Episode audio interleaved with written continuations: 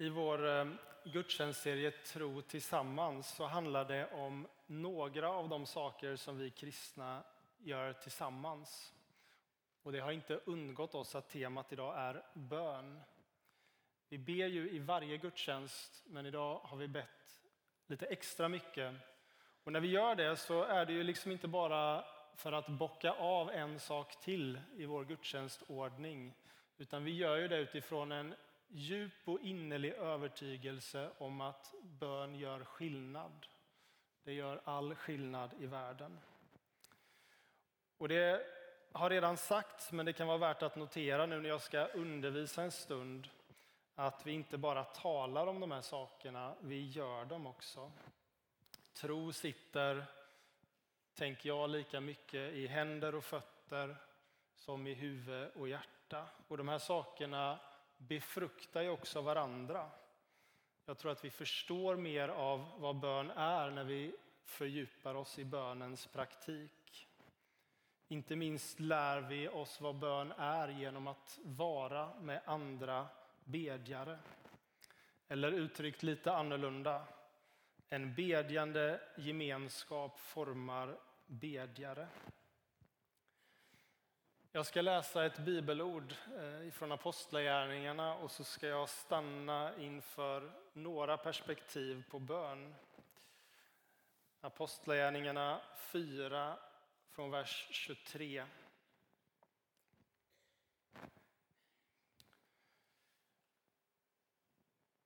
Sedan de hade blivit fria sökte de upp sina egna och berättade vad översteprästerna och de äldste hade sagt till dem.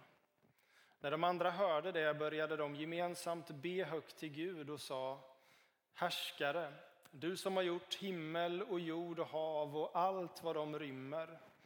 Du som har låtit den heliga anden säga genom vår fader David, din tjänare. Varför förhäver sig hedningarna? Varför smider folken fåfänga planer? Jordens kungar träder fram och furstarna gaddar sig samman mot Herren och hans smorde. Ja, de har sannerligen gaddat sig samman här i denna stad mot din helige tjänare Jesus som du har smort.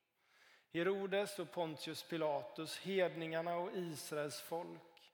Alla har de gjort vad din makt och ditt beslut hade förutbestämt.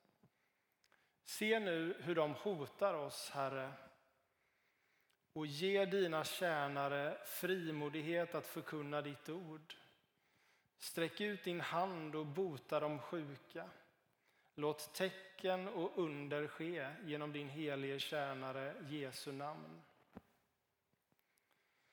När de hade slutat be skakade marken där de var samlade och alla fylldes av den heliga anden och förkunnade frimodigt Guds ord. Gud, vi ber att du skulle öppna våra sinnen för ditt ord.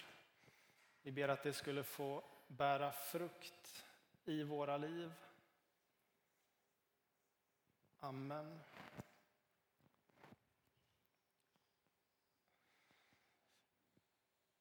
Det som har hänt är att Petrus och Johannes har varit fängslade och de blir fängslade för att de vägrar vara tysta. De talar om Jesus fast de har förbjudits att göra det. Men så blir de fria från fängelset och när de har släppts ut så söker de upp sina egna, de andra lärjungarna och berättar vad de har varit med om. När så de andra lärjungarna får höra om detta så vänder de sig till Gud. Och utifrån den bön som de ber här och som finns i verserna jag har läst så ska jag stanna inför tre perspektiv som jag tänker ryms i den här bönen och som också är någonting som vi kan ta med till våra böner, till hur vi ber. För det första så tänker jag att det är en ärlig och uppriktig bön de ber. De säger precis som det är, utan omskrivningar, utan skönmålningar. I den här bönen så ropar de till Gud om det motstånd de möter. De förnekar inte på något sätt de prövningar de går igenom. Läser vi vidare i Apostlagärningarna så kommer vi snart se hur eh, Motståndet, förföljelsen som församlingen möter kommer att leda till att de får vara med om den första martyren när Stefanos blir stenad till döds. Det är en svår situation på många sätt, men de är öppna och ärliga med det när de ber. De säger precis som det är. Och Det paradoxala är ju att det som ser ut som en motgång för församlingen, det blir istället till uppfyllelsen av orden i Apostlagärningarna 1 och 8 om att de ska vittna om Jesus i Jerusalem, i Judeen, i Samarien och ända till jordens yttersta gräns. Det är ju det som sker när de möter förföljelse och sprids ut. Och i sin bön som de ber så ger lärjungarna uttryck för att Gud verkar också i de svåra omständigheter de möter. De säger i sin bön, alla har de gjort vad din makt och ditt beslut hade förutbestämt. Och så hänvisar de till Herodes och Pontius Pilatus och hur de religiösa ledarna har motverkat dem. Men de ser att Gud har en väg också i det lidande de går igenom. Det som innebär prövningar för de troende blir samtidigt en framgång för ordet om Jesus. Men så får de ändå sätta ord på det här när de ber. De säger som det är utan omsvep. Och jag tänker att det ger oss ett perspektiv på vad som får rymmas i vår bön. Att vi kan vara ärliga och uppriktiga när vi ber och säga precis det vi tänker och känner. Vi behöver inte utelämna sånt som vi tänker inte hör dit eller som vi kanske skäms för. Gud tål våra ärliga böner. Det kanske tydligaste uttrycket för att vi får säga som det är när vi ber finns väl i Saltaren som är Bibelns bönbok framför andra. De första kristna tog över vanan från sina judiska syskon att be med Saltarens ord.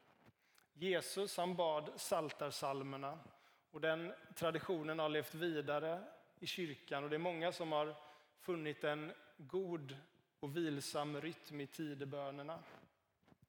Men oavsett hur du använder Bibeln i dina böner så kan du i Bibelns texter och inte minst då i Saltaren hitta inspiration till att be. Där finns ord för livets alla skeden. Där ryms ju den djupaste nöden jämte den största glädjen. Där ryms hopp och missmod, tro och tvivel, vrede, ångest men också tillförsikt och tacksamhet. Och allt det här som ju ryms i ett liv får också rymmas i vår bön. När du ber behöver du inte förställa dig eller försöka vara någon annan, försöka verka mer from. Utan du kan vara genomärlig med vad du säger till Jesus. Han vet hur ditt liv ser ut och du behöver inte undanhålla någonting för honom. Så när du ber, tala med Jesus om ditt liv så som det är. Det andra jag vill säga det är att den här bönen också visar vad som är ett rätt perspektiv. Och det handlar om att det är Gud som har makt och kontroll oavsett hur det ser ut. För när lärjungarna ber så talar de inte bara med Gud om det motstånd de möter, utan de bekänner samtidigt Gud som Herre över allt. Vers 24. Härskare, du som har gjort himmel och jord och hav och allt vad de rymmer. De möter motstånd, det ser svårt ut på många sätt. Men i det så erkänner de samtidigt vem som har den egentliga makten. Den finns hos Gud. Det är han som är herre över himmel och jord.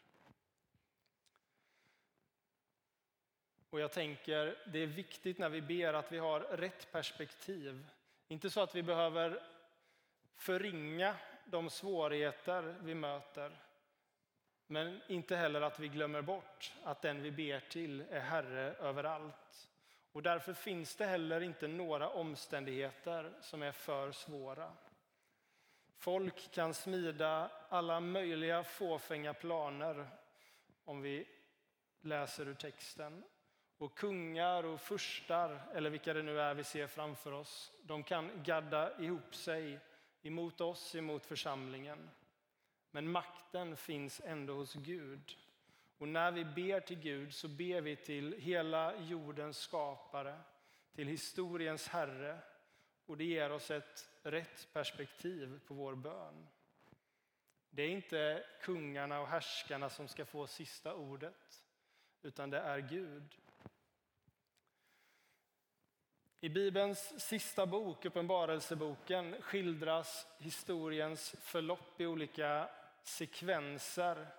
Först är det sigill som bryts, sedan är det änglar som blåser i basuner och slutligen så töms skålar över jorden. Och det där är ju bilder för hur Gud leder historien. Och då står det så här i Uppenbarelsebokens åttonde kapitel, de första fem verserna. När lammet bröt det sjunde sillet blev det tyst i himlen i kanske en halv timme. Och jag såg de sju änglarna som står inför Gud och åt dem gavs sju basuner. Och en annan ängel kom och ställde sig vid altaret med ett rökelsekar av guld. Och åt honom gavs mycket rökelse som han skulle lägga till alla de heligas böner på det gyllene altaret inför tronen. Och röken från rökelsen steg ur ängens hand upp inför Gud tillsammans med de heligas böner. Och ängeln tog rökelsekaret och fyllde det med eld från altaret och kastade ner det på jorden. Då blev det åska och dån och blixtar och jordbävning. Det är ett ganska rikt bildspråk och det finns mycket vi skulle kunna säga om de här verserna. Men just nu nöjer vi oss med att konstatera två saker. Dels att det är lammet som bryter det sjunde sigillet. Jesus som i Uppenbarelseboken både framträder som ett segrande lejon och ett slaktat lamm är den som har historien i sin hand. Det är han som är historiens herre och som har makt över världens framtid.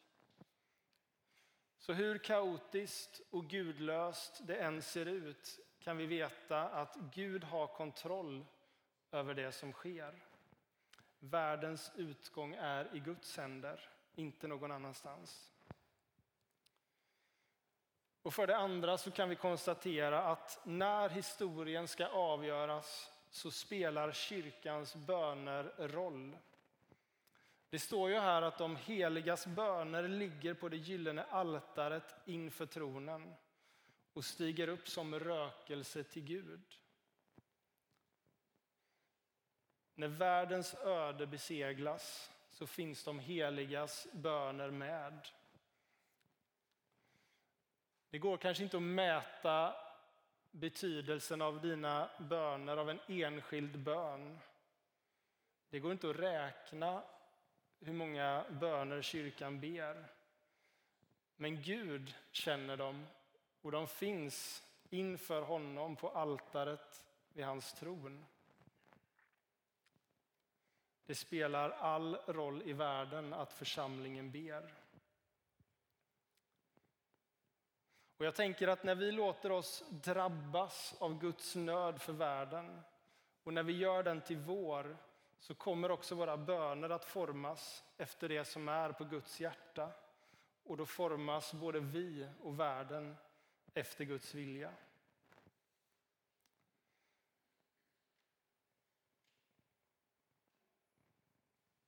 Det tredje och sista perspektivet på bön som jag skulle vilja dela utifrån texten i Apostlagärningarna. Det är ju detta att när lärjungarna ber så är det inte främst om trygghet och bekvämlighet för sig själva. Utan de ber att Jesu namn ska bli ärat och att Guds rike ska ha framgång. Vers 29 börjar så här. Se nu hur de hotar oss, Herre. Hur skulle fortsättningen på den bönen kunna låta? Ja, de skulle ju kunna be, se hur de hotar oss, Herre, och beskydda oss, eller förskona oss från detta. Eller se nu hur de hotar oss, Herre, och låt det gå illa för dem som förföljer oss. Men de ber inte så, utan istället ber de, se nu hur de hotar oss, Herre, och ge dina tjänare frimodighet att förkunna ditt ord. Sträck ut din hand och bota de sjuka. Låt tecken och under ske genom din helige tjänare Jesu namn. Lärjungarna har blivit uppmanade att vara tysta, att inte tala om Jesus. Och det där är liksom inte bara ord de har fått till sig, utan det är ett påtagligt hot emot dem. De vet ju hur det gick för Jesus. Men i den situationen så ber de inte om beskydd för sig själva. De ber inte om trygghet, bekvämlighet, om att slippa undan. Utan de ber om mod att fortsätta förkunna budskapet om Jesus. Och de ber att under, tecken och helande ska ske så att fler kan få syn på Guds makt och tro på honom. Och de vet ju att allt det här kommer att ge dem mer problem. Det var ju genom ett under som skedde som de först blev fängslade. De vet att de kommer att möta mer motstånd när de förkunnar om Jesus, när de får se under och tecken. Men de ber inte utifrån sin egen säkerhet och bekvämlighet. Utan de ber för att Jesu namn ska äras och för att Guds rike ska utbredas. De ber en bön efter Guds hjärta där de söker Guds rike först oavsett vad det kommer att innebära för dem.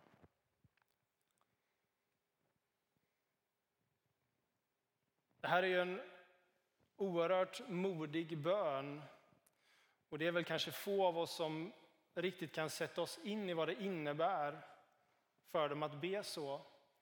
Även om många syskon, många kristna runt om i världen lever i den här verkligheten precis idag. Men jag tänker, vad skulle hända om vi lite mer lät våra böner präglas av Guds hjärta för världen? Om världens nöd och behov av Jesus Kristus skulle få ta ännu lite mer plats i våra böner. Om vi skulle våga sträcka oss lite mer utanför oss själva när vi ber.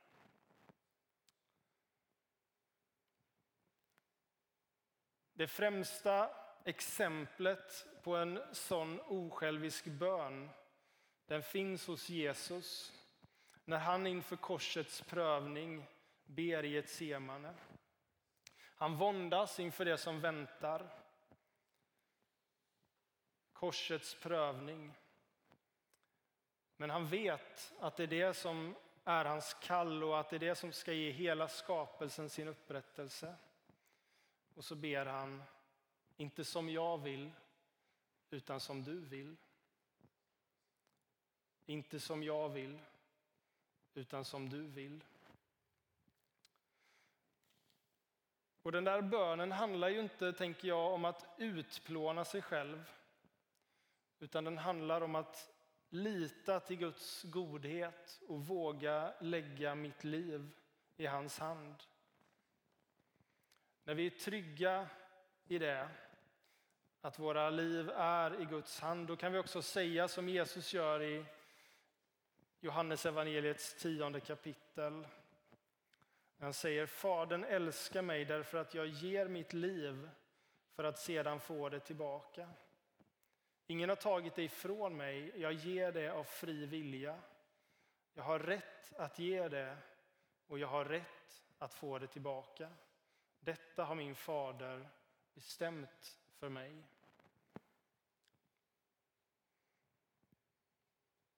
I närheten till Jesus så formas våra liv efter hans liv och vi kan be med orden i Herrens bön.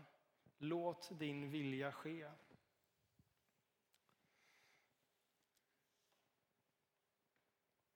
Så sammanfattningsvis. När lärjungarna ber så är de ärliga och uppriktiga och de säger till Gud precis som det är. De erkänner det motstånd de möter, de sätter ord på sin situation, den prövning de står inför. Och du och jag får också vara fullkomligt ärliga och uppriktiga när vi ber. Men samtidigt så har de rätt perspektiv när de ber och fast att de möter motstånd och prövningar så tappar de aldrig bort det här att de vet att Gud har all makt. De vet att Gud har kontroll oavsett hur det ser ut för dem just nu och att framtiden ytterst är i Guds händer. Och slutligen ber de inte om säkerhet och bekvämlighet för sig själva utan de vågar be om frimodighet att fortsätta förkunna Guds ord. Därför att perspektivet i deras bön är Guds rike och att Gud ska få äran. Och allra till sist. När de har slutat be så skakar marken där de är samlade och alla fylls av den heliga anden. De börjar förkunna Guds ord och under och tecken sker. Det där är ju en mäktig bild på många sätt. Men det viktiga är ju ändå inte att marken skakar under deras fötter. Det måste faktiskt inte vara dunder och brak när Gud möter oss. Gud kan lika gärna visa sig i en stilla susning. Det viktiga som sker det är att de fylls av Guds goda och heliga närvaro.